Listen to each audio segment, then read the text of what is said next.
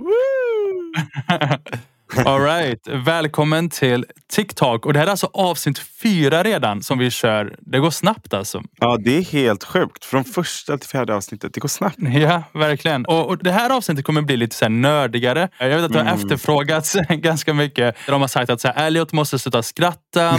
Ni måste sluta ha kul. Jag vill att alla ska må dåligt. Och så vill jag lära mig saker. Och det här kanske blir ett sånt avsnitt där alla mår dåligt, inklusive ni som lyssnar.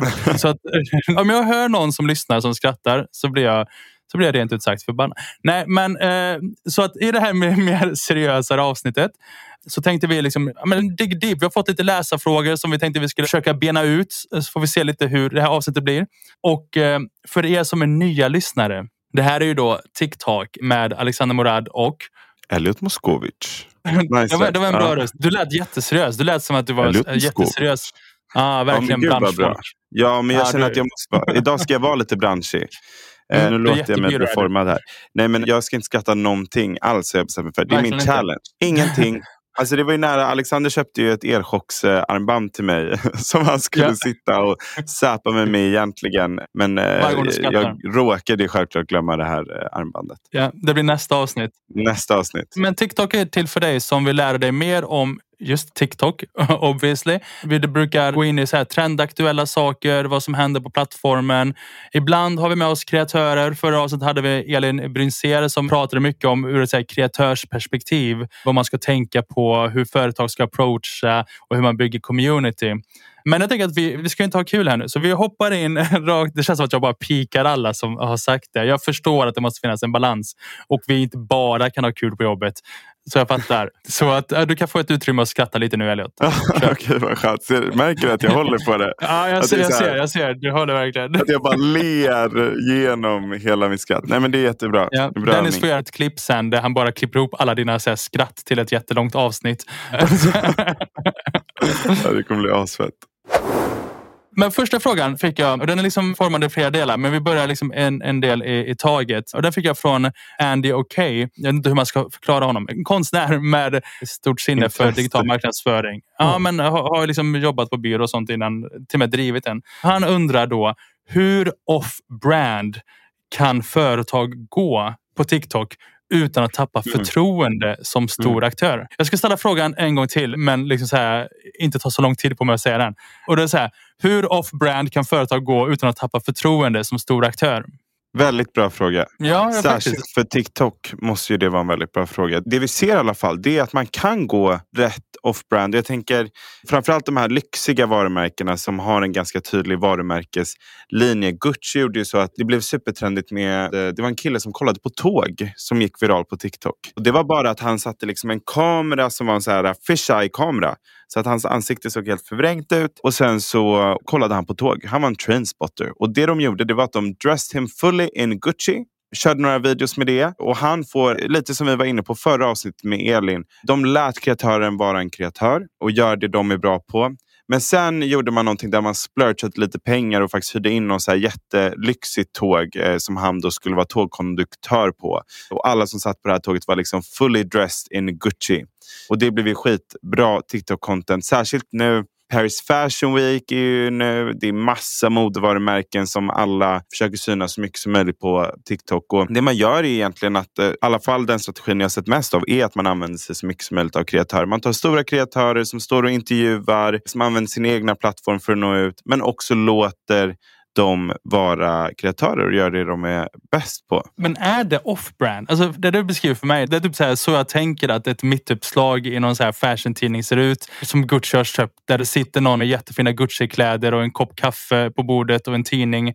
Och bara liksom, alltså det, det ser ju fashionable ut. Även om folk som har råd med Gucci kanske inte åker tåg. Alltså, jag vet inte, men, men, men det är ju... Det, alltså, jag tycker det känns ganska... Så här, det känns ju off-brand för just de här varumärken. Alltså om man tänker så här, ah, vad så. Gucci har varit historiskt och vad Louis Vuitton har varit historiskt. Alla de här varumärkena ja. har ju varit superkonservativa. Och, och det här är nog ganska nytt för dem. Sen kan man ju liksom ta de här värstingexemplen som typ Lotus Car som säljer liksom lyx sportbilar där man bara kör en meme page rakt av. Och yeah. det är ju så off-brand, det bara går. Bilen syns inte. Ja, uppenbarligen inte. De har ju fått otroligt mycket mer trafik. Försäljningen har ökat och varumärkesbyggandet, är liksom, det går inte ens att beskriva med ord tror jag hur bra den här satsningen har gått för just Lotus Cars. Nej, och det är ganska, alltså Lotus Cars är ganska kul med tanke på att de har ju verkligen gotten with the times. För att eh, Det var en som lyssnade på en av mina föreläsningar som kom fram efteråt och sa så här bara, ja men jag känner igen Lotus Cars från James Bond. Och jag bara, oj, nice. Han bara, ja men det var en film från typ 78. Jag minns inte exakt, men det var en jätte, jättegammal eh, Bondfilm där liksom Lotus Cars hade köpt så att varenda bil var typ Lotus Cars i den bilen. Så uppenbarligen mm. är det ett prestigefyllt gammalt varumärke. Jag trodde det var ett helt ja. nytt bilmärke trodde jag. Eh, efter att jag ja, sett jag det på TikTok. Men det visar också vilken eh, utveckling de har gjort från att liksom sponsra James Bond-filmer mm. i gammal media till att verkligen ta över TikTok i Storbritannien med omnejd. Du har ju pratat lite med han eh, som eh, driver ah, det där kontot. Alltså jag är så nyfiken på hur han vann det förtroendet från de som har Lotus Cars. Om det ändå är en så här gammalt företag som har sponsrat James Bond-filmer. Hur ja. vågar de släppa varumärket så löst egentligen? Jag håller på och fiskar. Jag försöker få med honom i podden. Så vi får se om vi kan kanske få svar på de grejerna.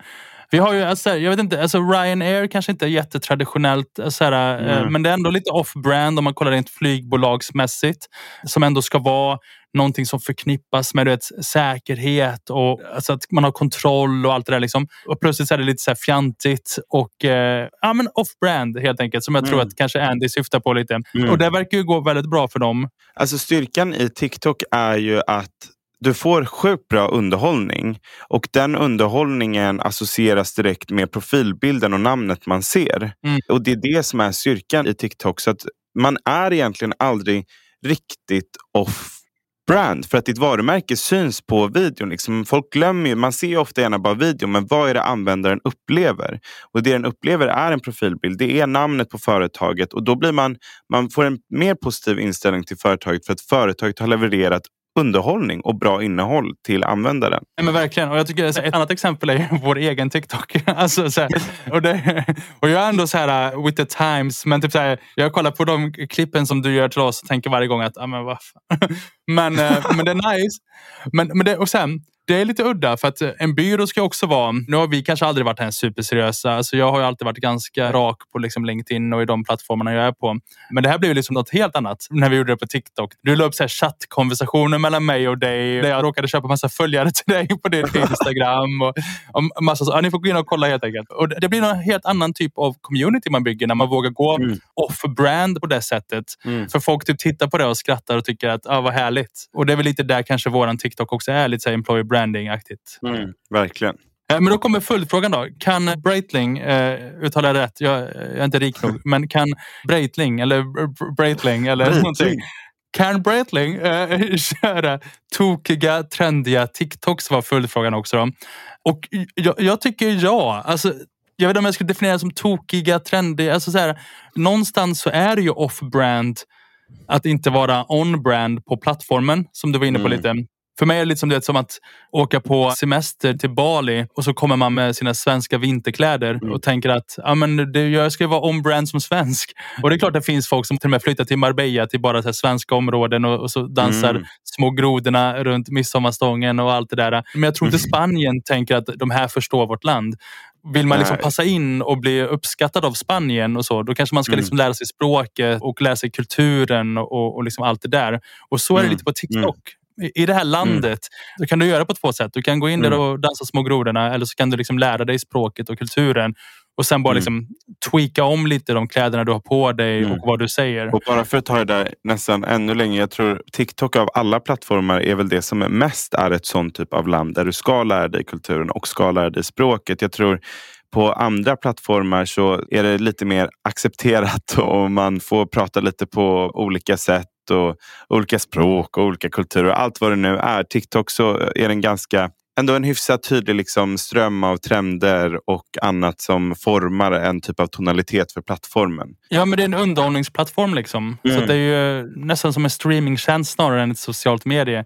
Ja. Så det blir ju det finns ett community som är liksom super, super starkt kopplat till plattformen. Alltså det är det jag tycker är så revolutionerande på något sätt. Att det är liksom inte community som bara är fästa vid olika kreatörer. Det är plattformen i sig som har en stark målgrupp. Jag, jag håller helt med. Så jag tycker att eh, de kan absolut göra tokiga, trendiga TikToks. Men de ska göra det på sitt sätt. Och de ska liksom göra det med glimten i ögat och förstå liksom, hur mm. är jargongen? Hur gör man? När säger man detta och när är det för sent att säga detta? Och det är därför mm. vi finns också ju. För att man ska veta vad man ska undvika att göra och när man ska sluta göra båtgrejen. Vi är som ambassadörer för TikTok. Jag, jag, tyckte det var så kul. På, det var ju någon som taggade oss, nu minns jag inte hans namn, men han taggade oss på LinkedIn och typ så här jag lyssnade på er podd och ni sa att man inte ska göra båten. Därför gjorde jag den här båttrenden. det tyckte jag var klockrent. ja, det var faktiskt ganska roligt. Men det är också, han gjorde det på LinkedIn så de bara, gud vad är det här för något? ja, en helt ny grej. Vi måste... de bara, shit vad är det här för båtfilter? Hur implementerar man det? jag, börjar, jag börjar få det på Instagram reels nu. Så att.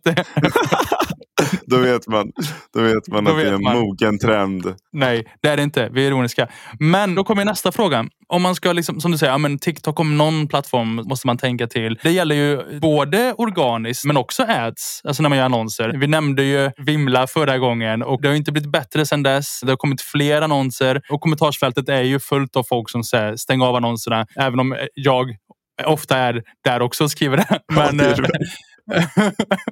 jag har sett men, det, det är klockrent. Ja, ja, men det är många andra också. Det är inte bara jag. Och då är frågan, så här, behöver man då skaffa en unik brand guideline. För oftast de här stora företagen kan ju liksom kvävas av att de har en 47-sidig brand guideline om exakt hur de ska säga, vad de ska säga, vart varje pixel ska vara, vilka färger. Alltså, måste man liksom... Alltså det går inte så här, hur mycket man än vill vara trendig, sen så får man den som en örfil i ansiktet. Så det går inte liksom göra det på rätt sätt då. Det enda sättet måste vara att man skapar en unik brand guideline för just mm. TikTok. Mm, jag tror det och jag tror att eh, den inte får vara 47 sidor. Där man liksom får plocka ut det absolut, absolut, absolut viktigaste ur sitt varumärke. Kanske börja prata mer om så här, vad är det för känsla vi vill förmedla med vårt varumärke. Och ta den meningen och så typ ha det som brand guideline nästan. För att jag tror det är svårt att eh, hänga med i alla strömmar och alla trender och vara relevant på plattformen annars. Håller du med mig Alexander? Nej, nej verkligen inte. Alltså, jag var på prat. ja, ja, jag håller helt med. Och det är ju så vi jobbar också. Många av de här eh, företagen vi har tagit in och hjälpt på TikTok brukar ju börja med någon form av workshop och någon form av skapande av den här brand guideline där, där, vi försöker liksom höra vilka de är, vad de gör, vad de tror på, vad som är viktigt att förmedla. Och sen så pratar vi ju mycket om TikTok och liksom hur det fungerar och vad folk vill höra och vad folk vill bli förmedlade. Mm. Och sen så försöker man ju hitta den här liksom röda tråden däremellan mm. för att säga men så här borde era röst vara på den här plattformen. Exakt. Ja. Och det är så extremt kraftfullt för att alltså, vi gjorde ju en workshop med en kund bara här om veckan och det vi märkte ganska ganska snabbt. Alltså när vi ska sätta tonen för TikTok då måste vi också förstå varumärket. Vi måste förstå det insidan och utsidan. Och när vi satt där tillsammans i slutet, vi bara, ja, och kunden också bara, men gud, nu fattar jag mitt varumärke. För att vi var tvungna att tillsammans förstå, vad är det här för någonting? Vad är det vi ska jobba med för att kunna ta ut det i TikTok. Så det blev så extremt kraftfullt och en sån epiphany för alla i rummet. Det var superhäftigt. Ja, för alla tror ju att man måste, så här, det är det första, man bara, ah, men vi vill inte dansa och ha oss. Man bara, nej, nej, nej, det, det måste inte. Utan ja, alltså, man jag blir nästan frustrerad när folk Ja, vi tar fram så olika contentpelare egentligen som man liksom bygger hela kontot på. Mm. Som berör olika delar av liksom så här, ja, men logos, patos och allt mm. det där. Och ehm, trendstimulerande såklart. Och trendstimulerande, ja just det. Jag älskar det ordet. Trendstimulerande. ja, men, men, jag tycker, men jag tycker det blir nice. Så att, som svar på den frågan skulle jag väl säga att ja, ni måste skaffa en unik mm. brand guideline för TikTok. För att det, mm. det, kommer inte funka. Liksom. Men den ska ju fortfarande vara med er identitet. Alltså den ska mm. ju utgå från den ni har. Men man behöver bara liksom tweaka till den mm. så att den funkar. Och det här är inte konstigt. Alltså, vi går tillbaka till landmetaforen. Jag vet ju många företag som har olika typer av policies, kampanjer beroende på om de är i USA eller om de är i Sverige eller om de är i Ryssland. Så att eh, det finns ju företag som stöttar hbtq och allt det där i, i vissa länder men sen i Ryssland inte pratar någonting alls om det. Eller i andra delar av världen. Gamla, och, och, och, ja, och det är så här, någonstans får man liksom så här, läsa av rummet man är i. Mm, verkligen. Men jag har fått en till fråga som jag vill ställa till Alexander. För jag tycker den är lite tuff. Och vi märker det med våra kunder ganska ofta. För att eh, det är oftast inte första gången de, de kör TikTok när mm. de kommer till Brightmind. De har försökt och de har försökt. De har försökt innan fastnar där runt 400-600 views. Jag själv har varit där. Vad gör man? Alltså hur får man videon att gå bra. För att det är en sak att absolut, ja, men vi förmedlar vårt varumärke. Vi gör ju underhållning. Det är väldigt roligt. Allting är så kul. Men hur får man den här, äh, ja, men som vi fick där på KFC, att den bara punkt 3,5 miljoner visningar. Ja, alltså, du får det verkligen låta som ett drogmissbruk. Jag, bara säga. Du bara, jag har själv varit där. Jag vet hur det är. Det är jobbigt. Ja, det känns som ett, alltså, det är så tufft. Alltså, att vara den som gör videos TikTok. Alltså, du vet, det är så här, okej okay, nu har jag lagt upp den, jag får inte gå in och kolla för jag kommer kolla konstant och jag kommer bli så ledsen om den inte går bra. Och varje gång jag ser att en video fastnar på 450-600 views, då är jag så här, vad är fel på mig?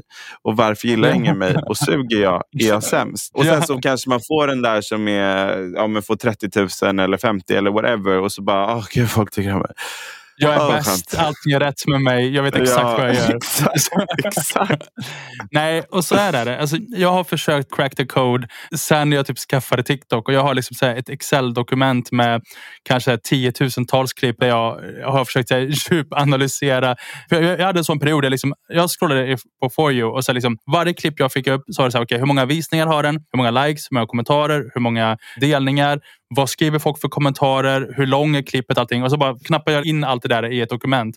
Och så gjorde jag så här, samma sak sen. Nästa klipp och nästa klipp och nästa klipp och nästa klipp. Och så försökte jag liksom få någon slags korrelation med någon form av diagram och se så här, mm. men vad är det som är viktigt. Och jag har liksom en, en teori, vill jag bara säga. Mm. Eh, jag gjorde misstaget. Jag liksom så här, hade en sån föreläsning på en internationell grej med folk från hela världen som lyssnade. Och så uh, sa jag det här liksom och berättade. Och sen har jag sett så här massor som säger det här som att det är fakta. Jag vet inte om mm. det är fakta. Det här är liksom min teori som jag bara liksom baserar säg på... Den, säg den. Ge mig den då!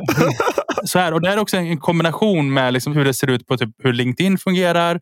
Och egentligen fungerar typ varje socialt medie på det här sättet. Men alla är lite olika dumma och smarta. LinkedIn är ju ganska typ dum algoritm. Så den är ganska lätt att så här, manipulera och, och så. Liksom. Eh, TikTok är väldigt, väldigt smart, men eh, där de lägger mycket värde på saker som inte går att manipulera så lätt och eh, lite värde på sånt som går att manipulera lätt. Du är så nyfiken nu. Nej, men så här funkar det. Du publicerar ett inlägg, all right? Mm. Då gör den som så att den visar ditt inlägg till en viss procent av dina följare, men också en viss procent randoms. Det är bara min mm. teori återigen. Mm. Den här procenten är ju så här dunderhemlig. Den varierar också för varje plattform har märkt lite. Om det är liksom 1 procent eller 2 procent eller 10. I don't know. Okay? Mm. Jag tror också det ändras mycket baserat på hur stor efterfrågan och utbudet är på plattformen. Liksom. Alltså hur många klipp mm. som mm. publiceras kontra hur många som konsumeras. Och sen så mäter den, alltså hur beter sig... Vi leker med tanken nu, säg att det är 100 personer då, som har fått se ditt videoklipp. Baserat på hur de här 100 agerar, om de likar, kommenterar, svarar, delar, mm. om de ser färdigt hela klippet, om de ser om klippet, om de mm. klickar någonting. Alltså det finns ju massa olika parametrar som mäter engagemang, eller hur? Mm. Baserat på hur de gör då skickas det sen till ytterligare procent. Alltså om det ens görs någonting så skickas det sen till liksom ytterligare procent. Om ingen typ tittar, klickar eller någonting, ja, då kommer mm. inte någon mer få se den. Men om den får ett engagemang, då skickar den sen vidare till nästa procent. Säg att det kanske är 100 personer till. Då. Ponera att de här 100, säg att typ så 70 av dem har, har likat ditt klipp. Då kommer TikToks algoritm tänka att ah, det här klippet brukar folk lajka. Det här är ett liksom likeable klipp. Då skickar vi den till hundra till som har beteendet att lajka. Eller som har beteendet att kommentera. Eller som har beteendet att dela. Är du med? Och baserat då återigen, om de också svarar på samma sätt så skickas det sen återigen fram och tillbaka, fram och tillbaka in i den här eh, algoritmmaskinen. Då hittar man liksom någon form av jackpot där den bara säger okej, okay, men nu har jag liksom nått ut till eh, 100 personer. 70 stycken har likat, 100 till, 40 stycken likade, 100 till, 70 har likat och så känner den att ja, men det här är jättebra content. Då kommer den ut på For you. Mm. Och det är här det liksom blir det kanske mer så spännande då, när den liksom kommer utanför det som är det vanliga communityt. Och här har jag liksom så här, eh, kan se att det finns liksom olika nivåer. Alltså att man hamnar mellan typ så 100 till 1000 views från 1000 till 10 000 views. Från 10 000 views till 100 000 views. Mm. Från 100 000 views till en miljon views och sen en miljon plus. Då. Och det är beroende lite på om man liksom svarar på samma sätt. Och då blir det så här viktigt. Nu var mycket information här på väldigt, väldigt kort tid. Men det generella är i alla fall att det är svårt att manipulera det här. För att säga att du skulle ha så här, tio olika konton och, och liksom försöka liksom så här, mm. gå in på ditt eget klipp och kommentera allt det där. Om inte beteendet sen är att folk Nej. kommenterar, då kommer du bara skjuta dig själv i foten. Uh, gud vilken algoritm Alexander. Ja, men, som sagt en teori. Men jag har liksom så testat den jättemycket och jag, uh. jag tror att den stämmer relativt bra. Men också om du kommenterar efter 10 sekunder alla gånger. Men alla andra kommenterar efter 50 sekunder. Då, är det så här liksom också att, då börjar den ana liksom så här, varför, varför skiljer det sig så mycket? Mm. Och då kan det vara mm. liksom någonting. Hierarkiordningen är det viktigaste här. Vad är det som är viktigt? Alltså vad mäter den? Mm är 100 likes mer värt än 50 eh, kommentarer och så vidare. Och här mm. har jag inget kanske konkret svar. Nej. Utöver att så här, rangordningen som jag har märkt. Och det här kan ju mm. ändras på liksom veckobasis antar jag. Men det verkar generellt sett som att den är så här. Rewatch är det mest värdefulla. Kan man få någon att titta om på klippet så är det liksom otroligt kraftfullt. Och det här mm. är varför de här klippen under ett tag var jättetrendiga. Det är så här, använd det här sju sekunders soundet och så skriver man jättemycket text så man inte hinner läsa mm. det. Så att klippet hinner rulla i bakgrunden tre, fyra gånger innan du har läst klart texten. Och då räknades det som att någon har sett ditt klipp fyra gånger. Liksom. Det här har ju blivit tweakat sen så att de, här, de rewatchen inte väger lika tungt. Då. Men rewatch, det är dunder. Kan man få folk att mm. se om klippet flera gånger så är det guld värt i algoritmen. Watch time är det second best. Alltså, har du ett klipp som är en minut så om majoriteten kollar bara 4-5 sekunder så kommer det att få spridning. Kollar de 50-60 sekunder då snackar vi liksom. Och det är också därför till exempel Elin som vi hade förra avsnittet. Hon pratade mycket om att säga oh, men jag har typ så 50 000 views när jag bara hade 30 000 följare. Liksom. Men hon körde också mm. väldigt långa klipp och alla typ kollade färdigt på hennes klipp för att hon hade sitt mm. community. Mm. Och då bara spreds den mer och mer och mer till den mm. nivån där man når folk som inte kollar färdigt på klippet. Och då tänker TikTok att ah, nu har vi nått målgruppen nu. Mm. Efter det så kommer delningar. Och Det är alltså repost, delningar eller att man trycker på den här spara-grejen. Jag har svårt att veta vilken av dem som är, alltså, men någonstans så ligger de typ jämlikt. Liksom. Efter det kommentarer och sist kommer likes. Mm. Även om likes är kanske det lättaste metricet att mäta där man märker att så här, men jag har fått 100 visningar och 10 likes. Så att, att ha typ 10 procent verkar vara väldigt bra. Liksom. Mm. Jag har hört lite olika om liken. Alltså, det verkar ju som att den finns kanske lite mera för användaren än för algoritmen. För det händer ju någonting i våra hjärnor när eh, hjärtat blir rosa. Det är faktiskt alltså, dopaminutlösande. Så att det är mer att eh, det är bara för att liksom få oss att börja interagera. Vad jag har fått höra om just liken. Mm. Ja, men, men den, har, alltså, den har ju en viss eh, del av... För att man, eh, alltså, man mm. ser ju aldrig ett viralt klipp utan alltså, minst typ 10% i likes. Liksom. Så, den, så, så, den har ju ändå en viss påverkan i algoritmen. Men, men det är som du säger, att det, det mm. ligger ju liksom Men skulle du säga, alltså, för, för det har man ju hört ganska mycket om just med den här 10% interaktionen som man alltid ska försöka uppnå. Att ungefär 10% av de som i TikToks fall kanske har tittat men i Instagrams fall av dina följare. Men man pratar alltid om den här 10 procenten. Men du skulle säga att det fortfarande gäller här i så fall? Att, så att ungefär 10 procent av de som har tittat bör ha interagerat med ditt innehåll? Ja, jag, jag har upplevt så att, att kommer man upp i det spannet mm. då förtjänar man TikToks liksom, respekt att hamna på For you. Mm. Och sen är det lite hur klippet lever sitt liv efter det. Liksom. Mm. Kollar jag på de klippen där jag har kommit upp i så här, en miljon views och så vidare på min privata, då har det varit en ganska bra korrelation i likesen. Alltså inledningsvis. Jag tror att i det miljonklippet som jag hade då hade jag typ nästan 50 procent. Alltså i början då. Sen så späs det ut desto fler som får se. Mm. Men jag tror alltså upp till typ så 10 000 views så hade jag nästan så 50 procent som, som likar. Liksom. Och sen så bara liksom, om inte jag missminner mig. Då. Och det är klart, det är en indikation för plattformen att så här, folk gillar jättemycket detta. Det här, det här måste vi sprida vidare. Eh, men mm. återigen, det är svårt att manipulera. Alltså, det går inte att, så här, mm. att logga in på ett annat konto, slänga upp sitt klipp och bara låta den rulla hela natten och få mm. liksom, så här, 100 views där. Mm. För problemet är att det du liksom matar till TikTok och lär TikTok det är att du säger att folk som ser det här klippet kommer kolla på det runt hundra gånger. Uh, och om ingen annan gör det, så, så, så, kommer TikTok visa den till 50 personer till och ingen annan kollar på mm. den så många gånger. Då tänker de att ah, okay, det är någon som håller på, det är bottar eller någonting som håller på att luras här. Men jag tror också att när man, alltså man ska inte heller övertänka det för mycket. Jag tycker man kan liksom utgå lite från vad ett socialt medium är och framförallt vad är det de tjänar pengar på? De tjänar pengar på annonser. Ju längre tid du är på plattformen, ju mer annonser säljer de och ju mer pengar tjänar de. Det är så man ska tänka egentligen med allt innehåll man gör. Tycker folk om ja. det? Kommer det här vara någonting som får folk att stanna på plattformen? Vi såg senast nu hur Hilton, hotellkedjan, lägger upp en annons som är tio minuter lång på TikTok går emot liksom the purpose of the platform och har en tävling i slutet då där man självklart kan vinna lite Hilton-nätter. Men då var det tvungen att se klart den här filmen som var tio minuter och man gjorde en grej av det. Kan vi få dig att se klart den här filmen som är tio minuter lång och så var det en massa kändisar i och den var liksom true to the platform, off the platform, true to the... Alltså det var liksom väldigt, väldigt, väldigt, väldigt smart. Och den annonsen har fått hur mycket PR som helst efter det. Ja men verkligen. Men också lite så här, inte kanske, alltså där, den annonsen enligt mig hade varit klockren för ett år sedan. Nu när man kan spola i klippet så var det så här, när jag fick den annonsen så bara spolade jag fram till så här 9.30 och bara såg vad tävlingen var. uh, vilket jag tror, alltså typ, jag skulle gissa att 80 procent har gjort det. jag vill bara, men uh, whatever. så, whatever. ja, det är jättekul med PR. Så Alexander-grej också. Alltid. Ja, verkligen, verkligen. Men så här, jag vill bara säga att hela den här genomgången av algoritmen är meningslös om inte man är jättenördig. Men det man ska ta mm. med sig, det är ju så att okej, okay, desto längre folk tittar, om man tittar om den och om man är villig att dela det. Liksom. Alltså om det är liksom shareable content. Mm. Kan man lyckas bena ut de här tre, då får du ett viralt klipp. Alltså det, mm, mm. det är bara så enkelt som det är. Mm. Då får man tänka till så här, okay, hur lång kan jag göra det här klippet? Desto längre jag kan göra klippet och ändå få dem att titta färdigt, desto mer värde ger det till algoritmen. Liksom.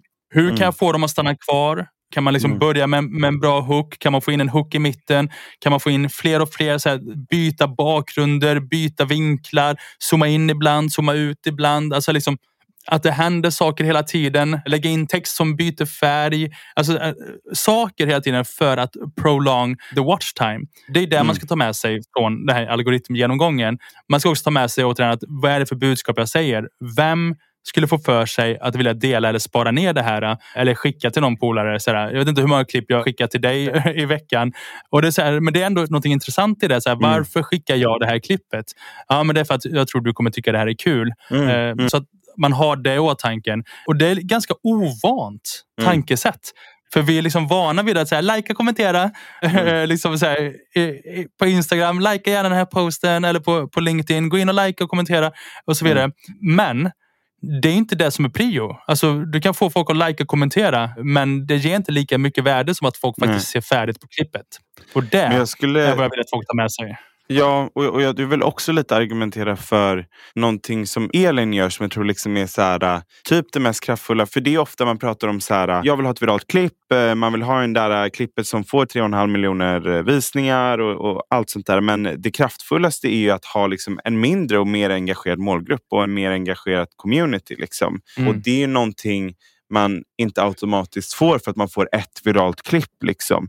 Utan det krävs mm. ju att man är super, super, super personlig med sitt community och väldigt, väldigt lätt ja. att kommunicera med. Men också pricka rätt målgrupp. Jag hade en mm. dialog med en byrå i Storbritannien som har så 150 000 följare på TikTok mm. och han var superstolt.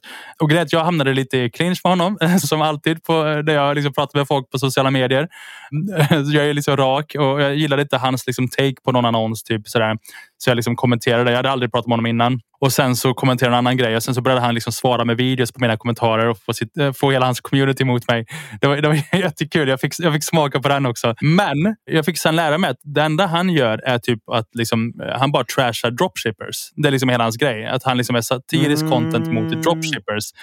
Och då var det liksom mer okej okay att han var så hård som han var. Liksom. Och det var så, så han hittade sin liksom, target group? Sin nisch. Då, eller?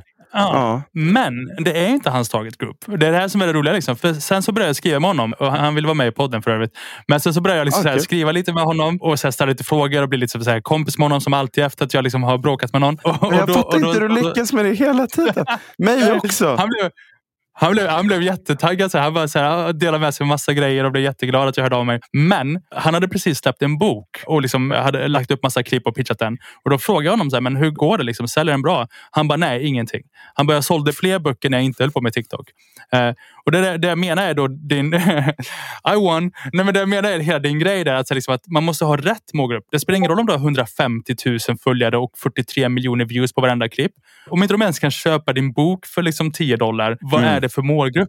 Då har du liksom... Preach. Så jag skrev till honom att du borde byta namn på boken till typ så här, fuck dropshippers eller typ så här 10 mistakes dropshipper ja. makes. Typ. Och han bara, ah, skitbra idé, jag ska testa det. Och då, då, kanske han säljer, då kanske han säljer, vi får se. Men man måste liksom känna sin målgrupp. Måste man göra. Mm. Och det tar mig in på Andys. Alltså Andy, jag vill bara säga, Andy är kanske... Det här podden, antingen älskar man att hata den eller så hatar man att älska den. Och jag tror att Andy gör både och. För han gillar ju det, det nördiga, men han, han tycker såklart att vi är lite flamsiga med all rätt ibland. Men han hade många frågor och tankar. Och en annan fråga var ju det här, vad är de viktigaste faktorerna som leder till att folk köper? Hur får man någon att köpa ens bok? Eller ens tavla? Eller någonting? Har du svar på det? Ja, alltså...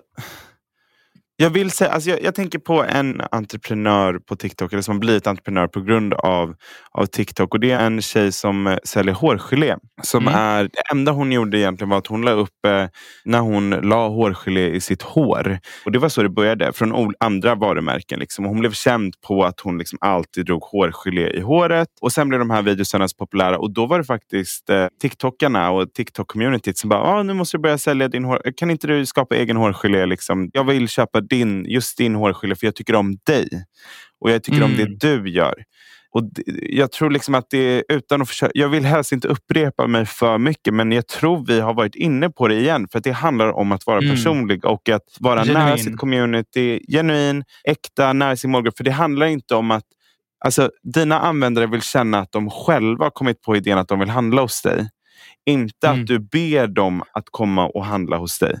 Och det Vet, är väldigt viktigt. Perfekta, jag har den perfekta Säg. gästen till ett avsnitt. Eh, som eh, en vän till mig och som, som du eh, har träffat och käkat lunch med. Jonna, du vet. Mm. Eh, mm. Och jag tänker att det hade varit klockrent. För, för hon, hon gjorde ju hela den resan. Hon, hon liksom såhär, mm. eh, skapade ett eget parfymmärke. Och, liksom, mm. och, och, allt det där är liksom det, det, det genuina med att såhär, mm. man, man, lägger upp, man delar när man liksom väljer vilka förpackningar man ska ha. Man mm. frågar communityn vilka, vilka dofter man tycker är nice. Man visar när man packar ordrar allt det där. Men man gör det, jag skulle säga den absolut viktigaste grejen, alltså utöver genuitet och allt det där, det är alltså att vara konsistent. Att inte bara säga, mm. jag lägger upp tre videoklipp och så här, det funkar inte. Utan alltså ett klipp om dagen, två klipp om dagen, tre klipp mm. om dagen. Och då tänker man så här, gud, alltså, jag, har jag inget annat bättre för mig? Men alltså, du, du lever ju. Alltså, alltså om, om mm. du lever så har du content. Mm. Alltså, det är ju, du ska inte producera, du ska dokumentera. Mm. Så du ska mm. bara liksom så här, ja, men nu håller jag på att packa ordrar. Det är content. Nu håller jag på att skissa upp en design. Det är content. Nu håller jag på att spela in en podd. Det det är content. Nu håller jag på och planerar ett manus. Det är content. Nu håller jag på och, och åker till, till Paris och ska välja liksom, eh, parfymsorter. Det är content. Alltså så här, och, och, och, och liksom allting är alltså om du bara dokumenterar och det behöver inte vara så crazy. Så det är väl det tipset om man, hur det leder till köp. Mm. Speciellt om man är konstnär och, liksom så här, gör tavlor och allt det där. Det finns ju så mycket content man kan göra liksom mm. före och efter. Och liksom, jag har sett hur många som helst. Och det här är något som också musik har gjort jättemycket på TikTok. Mm. Där man liksom visar hela resan. Från att, mm. Jag minns ju hon, det var ju PR bara, du vet den här A, ja, nu ska inte jag sjunga. Men kommer du ihåg den här alfabetslåten? A, A, B, C, A, B, C, D, E, F, you and your mom and your sister and your dad. Ja. Ja, den låten, den var ju bara ett PR-stunt. Det var ju så här, hon la upp ett klipp och bara så här, ah, vad, vad tycker ni jag ska göra en låt om? Och så hade hennes manager skrivit, ah, men gör en låt om alfabetet. Eh, det var ju liksom, den låten fanns ju redan. Och då svarade hon på den och bara liksom, okej, okay, men då gör jag det då. Och så bara, A, B, C, D, E, F, G and your mom and your sister and your... Och så blev det att han sjöng. Och så, och så, och så, ja, just det. Dennis, lite audition tack. Men hela grejen är att de lurar ju communityn där. Ja. Men alla kände sig som en del av resan. Alla bara, mm. oh my god. Någon bara skrev alfabetet och det blev en låt. Och Det här Mm. kan man göra i, liksom, i parfym, i, liksom, Mm. eh, i konst och allting. Men se till att det inte är din manager som kommenterar utan hitta någon annan kanske. För någonstans, det är ju liksom den äktaste och mest genuina storylinen någonsin. Alltså jag tänker bara hur ofta man kanske, ja men som typ då med Jonna och Essence. Att, eh, alltså hur många gånger har man inte kollat på en film som handlar om en entreprenör som har lyckats väldigt bra? Ja, verkligen. Och kolla på det på Netflix. Nu kan du liksom få se det live i realtid. Varje liten del. Du kan liksom nörda ner dig i filmen. Det är liksom en, en helt ny typ av underhållning. Det, det är magiskt. En grej jag vill hoppa in i också bara innan vi Mm. går in på vet du, trendspaningar och allt det där. Ja, vi, vi, vi borde ha ett avsnitt som bara pratar om SEO också. Men jag vill bara Mm. liksom toucha det. SEO är alltså otroligt viktigt på TikTok. Mm. Och det är för den som inte vet vad det är. Search Engine Optimization. Alltså basically är det så här att om man, man pratar mycket SEO på Google till exempel. Att om man ska, googlar man TikTok-byrå, men då ska Brightman komma längst upp. Allt det där, liksom. Och samma här är det på TikTok. Att allting, vi pratade om det i något avsnitt. Att så här, om- man eh, söker på restauranger i Stockholm typ och så får man massa tips och, och så hittar man någonting och så ser man eh, härliga videos och så, och så tänker man, ja men där vill jag käka. Mm. Och det här är alltså texten. Alltså, all, bara så att man förstår algoritmen. Återigen, att det här är ju texten som man har. Dels så är det liksom det man säger och sånt såklart. Men när du textar videoklippen. Dels i copyn har du text, men du har Mm. också text som du bränner in i videon. Den texten, alltså typ när man tar det man säger Mm. och bara liksom subtitlar det. Den texten blir SEO också. Alltså det är det sjukaste. Alltså det är så Ja. jävla kraftfullt. Förlåt, nu svor jag. Men alltså det är så Ja. fruktansvärt kraftfullt. Ja, och det är så här, vill du då att så här, har du en restaurang och du vill att folk ska hitta den, då ska du liksom säga så här, eh, letar ni efter restaurangtips typ? Eller någonting? Ja, men då vet att då kommer restaurangtips. Om man söker restaurangtips, då kommer du kunna ranka högt om du har fått många visningar och allt det där. Men då kommer en liten brasklapp här. Eh, Många företag har ju samarbete med kreatörer och ber dem kanske göra restaurangtips eller något liknande. Eller testa en parfym eller vad vet jag. Det man ska säga till de här kreatörerna, det är att ni får inte använda en tredjepartstjänst. Alltså ni får inte använda CapCut eller liknande för att texta. För att den texten funkar inte i SEO. Utan man måste texta via TikToks egna plattform. Och Eh, det och tar längre tid.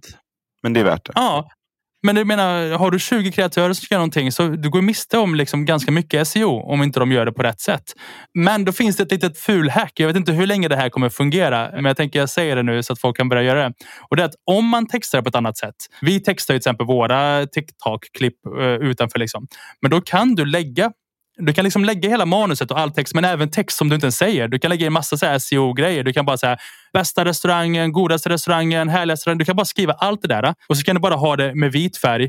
Och så räcker det med att du har liksom en vit bakgrund i 0,2 sekunder i klippet och så bara lägger du in den texten där vitt mot vitt så att man inte ser texten. Men datan, för den är ju med i, liksom, met- alltså i, i liksom, eh, datan av själva klippet kommer ändå räkna det som SEO.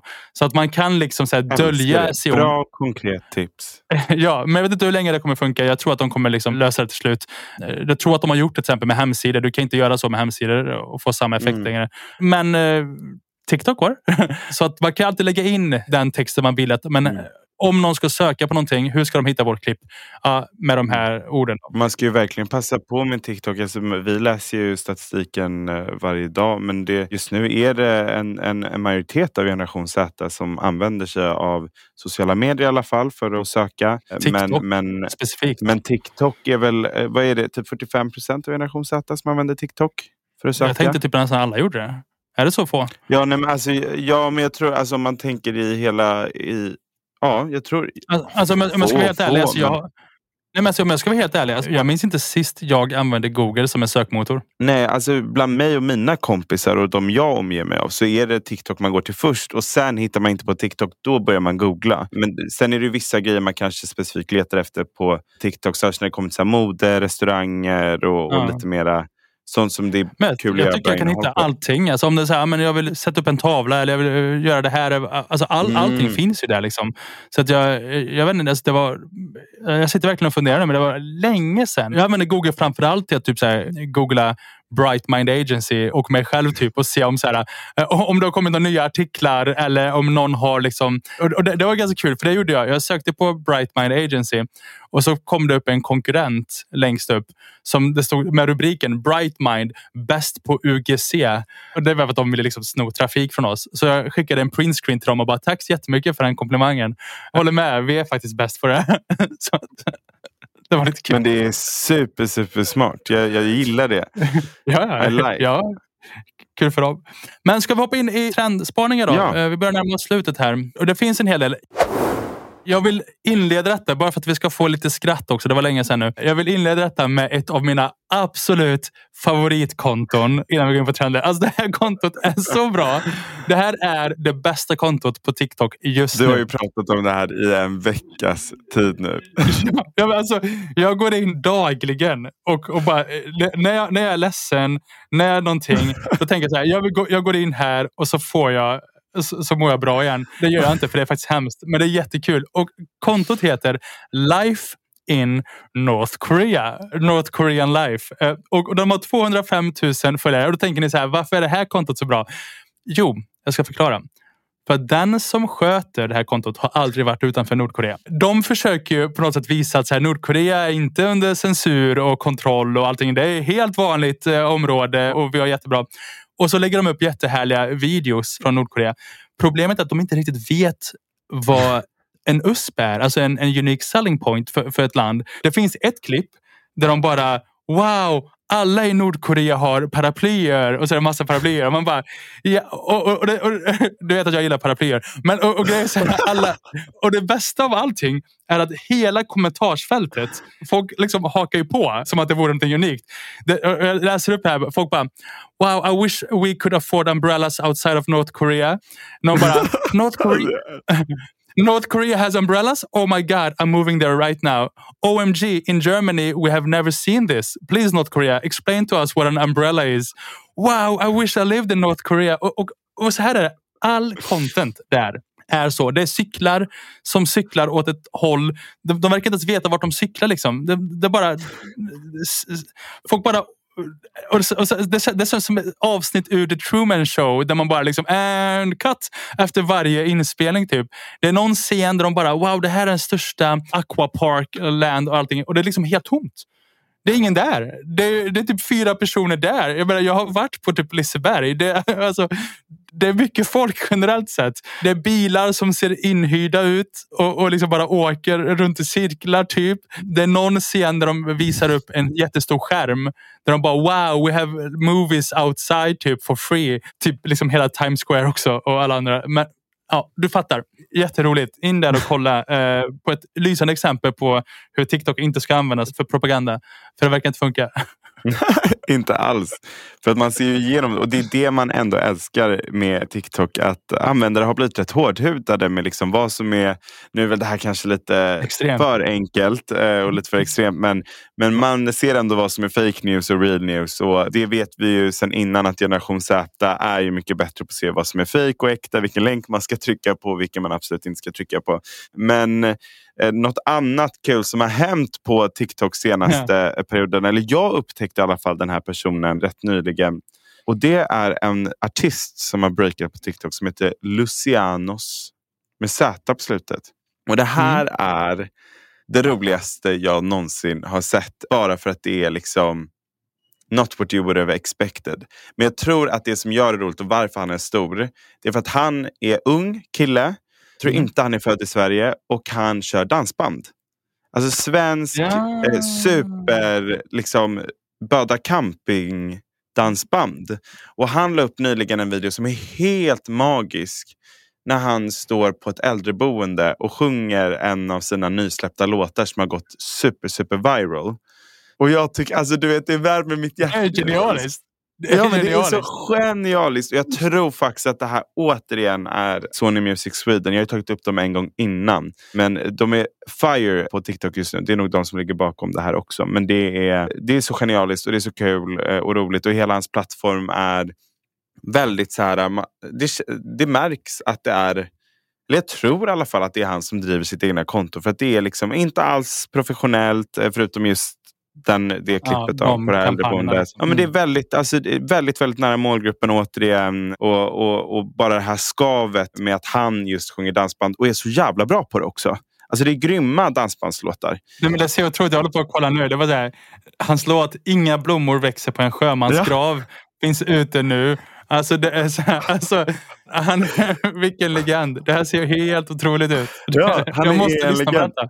Ja, ja nej, det är helt, helt magiskt. Och jag tror att vi kommer se mycket mer sånt. Jag tror att det är, just TikTok är en sån plattform där en sån artist kan få ta plats och vara rolig. För att han är ju nästan mer underhållning än vad låtarna i sig själv är. Men just på grund av att man får lära känna honom, träffa honom, se honom och se hans varumärke så blir han rolig och kul och stor. Eh, och en stor artist på riktigt. Och det hade nog inte varit möjligt utan eh, TikTok. Nej, och jag menar företag där ute go for it. Alltså, mm. någon behöver göra ett samarbete med honom och göra det nice. Fråga, mm. Jag har inte kommit på vem än. Men här finns det potential ja. eh, kring kontraster och generationskulturer som möter varandra. Jag får redan lite idéer. Till, till fan, kom igen nu Böda Camping, kör! Eller Ullared kör. eller alla de här, kör. så här äh, företagen som ses som så här supersvenska små skitortsföretag, höll jag att säga. Kanske får klippa det, jag är så stockholmare. Usch. Eh, jag, kommer, jag kommer åka dit för det, det AKB, eh, Anna Kinberg Batra gjorde alldeles snart.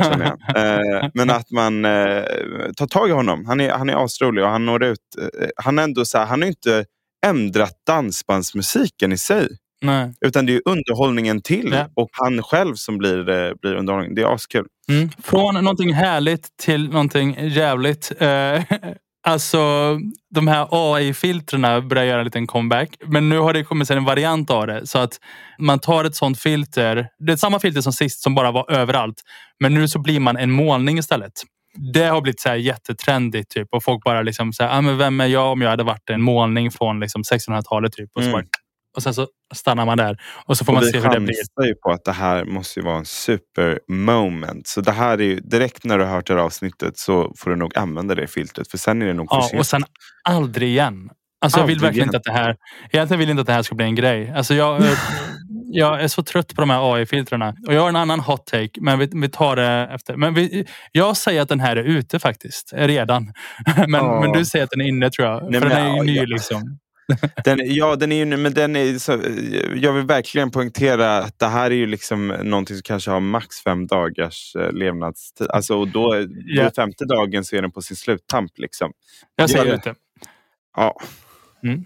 Jag säger gör, gör det, ut med videon. Eh, jag tycker det här eh, fortfarande är en trend. Det är, det är ju att man ska göra transitions. Alltså det är särskilt att man ska prata om eh, transitions. Att man ska vara så här, this is the nastiest, most disgusting transition ever. Och det kan vara, jag har sett allt från filmklipp eh, ja, men från olika filmer där man gör transitions till folk som gör det själva. Och det här är ju någonting som bara har spunnits vidare på. Så det här är ju faktiskt starkare än ett moment. Så just kanske det här sättet, det här att det ska vara uh, this is the nastiest, most ugliest uh, transition. Det kanske inte är riktigt där vi är idag, men nu finns många olika varianter på hur man kan implementera det här själv. Jag har sett någon ganska ny take på det som är att man då ska zooma in mm. eh, någonstans och sen så ska man snabbt eh, lyfta kameran så att det blir suddig bild och sen kommer man ut ur ett foto som man har skrivit ut på just det man zoomar in på. Och lite sådana varianter. Det är ganska lätt att implementera på företag. Man skulle kunna göra det på produkten i sig. Där kan man vara liksom ganska nära produkten. Eller utsikt från ens kontor eller, eller whatever. Men, och men vi lägger bara... in länkar som, som visar hur det ser ut sen på ja. brightmind.se Svårt att förklara, det märkte ni. Men ja. vi, ni får okay. en länk. Men i det temat så finns det också det här um, som vi ändå har sett en hel del av med um, typ Solsidan och de här. Uh, mm. Kan inte du dra den också? Ja, men det här tycker jag är så... Alltså det här är det bästa som är en TikTok på länge.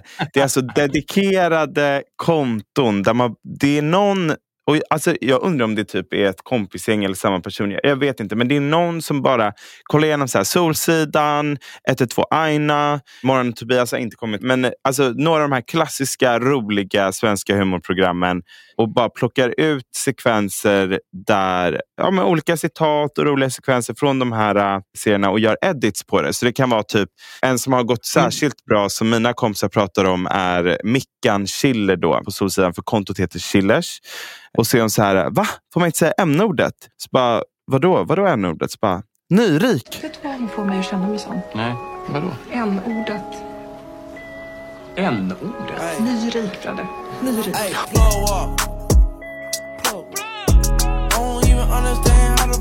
Och sen ser du någon edit där hon är så här skitcool och asbossig och värsta så här uh, it-tjejen. Och sen står det bara chillers. Yeah. Vi pratade ju om det här du och jag Alexander. Vad är syftet med det här? Varför lägger man så mycket tid på det? Och sen såg ju du att de, säljer, de ska börja sälja merch kopplat ja, till det här. det är klart. Det är klart. Eh, men, så men det alltså, fanns ju pengar involverat. Men som också. företag, alltså alla trender har inte pengar i sig. Mm. Och det är så här, vad de gör, är det, så här, det, det, är liksom så här, det är kul för dem. Jag säger inte att ni ska gå in och så här, göra egna sådana konton. Men däremot, mm ert företag har ju en frontfigur. Alltså, jag tänker så här, mm. återigen, så här, men typ, hade vi gjort en sån till KFC, typ, då kanske man hade liksom haft ett citat från typ Colin Sanders där han bara liksom så Yeah, but you know, nothing beats fried chicken. Uh, det, vad vet jag, liksom, han, han kanske har något jättecoolt citat. det, men det, det, finns ett citat ja, som är så i, i, i Kambodja. Där det så här, There's two types of people in the world and both love original recipe. Hade det funnits ett citat där han säger det, liksom, då hade man kunnat haft det och sen bara liksom klippt en edit där man liksom ser eh, Sanders säger massa coola situationer typ och så bara Sanders. Och den här går ju liksom att göra på typ alla företag. Så det är inne. Jag såg att Merch Sweden gjorde det nu med Fredde. Det finns ett konto som heter typ Fredde tror jag. Som ja. bara lägger upp massa ja, jag såg på honom. det. Skitsmart. Ja, verkligen. Jag vet inte om det är han själv som har gjort det. Men skulle inte förvåna mig. Men, eh, jag kommer göra det till Morad. nej, nej. Morad. Och sen en annan, och det är jätteinne. Alltså det är superinne. Jag tror det kommer vara inne ett bra tag till att göra sådana mm. edits. Liksom. Ett annat filter som vi kanske kan, eh, det sista vi kanske ska prata om när det kommer till trender, det är det här, vad heter det? Heter det Bold Glamour? Oh, alltså ja. Jag älskar det filtret. Det, det är obehagligt. Det är obehagligt. Alltså, jag är så snygg. Alla så ser så bra ut i det, förutom jag. men, men, men alla, jo, det var skitsexig med det. Ja, alltså grejen är så här, det, det, det är ett filter som bara gör dig Alltså jättesnygg. Alltså, du ser så här tv-sminkad ut. Även män. Även män med skägg. Det brukar aldrig bli bra. Men även män med skägg.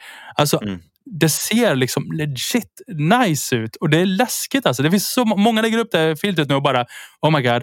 Uh, I can't, alltså, det, det går inte ens se ja, längre. Det absurda är ju att de drar sina fingrar över läpparna, över ögonbrynen som ah. man ser uppenbarligen är förstärkta. Men filtret lägger sig inte på fingret. Alltså det, det bara är fast på huden. Det, alltså det är det sjukaste. Ja men verkligen. Och jag tror att så här, det är också dundertrendigt nu med, med folk som bara Oh my god, uh, I'm usually very very ugly but now I look beautiful. I'm gonna show you how, hur jag ser ut utan den. Liksom. Och sen tar de av den och så är de inte fula. Så här, och alla, alla kommentarer oh uh, But you're so beautiful without it. Och så här, liksom, ja, så att det är väldigt, väldigt, väldigt så här, pick, me. Pick me. Uh, hela mitt flöde har blivit så här pick me nu. Uh, jag vet inte varför. Alla så här Drake podcast som dyker upp också. Men det får bli ett annat avsnitt. Ja. Men coolt! Alltså, hallå, vi hade ett, ett, helt seriöst avsnitt med, med lite Men Jag tyckte det var ganska nice. Jag kände mig grounded and rounded. Mm. Jag tyckte det var lite tråkigt. Men det kanske är roligare när man lyssnar på det efteråt. Men ja, vi, men det, det, jag är taggad på att se feedbacken faktiskt. Vad, vad folk säger mm. om det här avsnittet. Om man får, jag vet inte, det kanske är så att eh, de som har klagat på att vi har varit flamsiga innan inte kommer klaga nu. Så kommer de andra börja klaga. Liksom. Man vet ju aldrig. Så får vi, vi se. Märker. Vi märker. Vi märker. Jag tänker att podden lever sitt eget liv och mm. eh, vissa avsnitt är sådär, vissa är sådär. Det är helt enkelt så det är bara. Men Mm. Det jag önskar från alla som lyssnar, det som hade värmt i mitt hjärta eh, och i våra hjärtan, det är att ni får jättegärna liksom betygsätta podden på Spotify. Det hjälper oss att liksom mm. komma igenom Spotifys algoritmmaskin. Lajka den liksom och betygsätt och spara ner mm. den i era listor och vad vet jag. Liksom. Sen får ni jättegärna, alltså jag lovar att jag inte tänker stoppa er, om ni liksom delar den på era Insta-stories typ eller någonting och tagga oss så lovar jag att reposta. Antingen om ni taggar Brightman ja. Agency eller typ Elliot Moskovic eller The Morad. ni får jättegärna, eller på LinkedIn, vad som helst. Mm. Tycker ni om det så får ni jättegärna visa uppskattning så att vi Mm. orkar fortsätta göra det här. Liksom. För det är en utmaning varje gång att, att prata Mm. en hel timme med Elliot. Liksom. Eh, så att, och du bara mm, mm, Jag bara, mm, mm. ja, exakt. Ska vi tisa lite om nästa avsnitt? Vi kan göra en sån här På spåret-grej. Där vi bara liksom ger, men vi ger bara en ledtråd. Okej, Okej? du får bestämma. Eh. Jag är, Ska, jag, ska jag ge ledtråden? Okej. ja. Vart är vi på väg? På 10 poäng.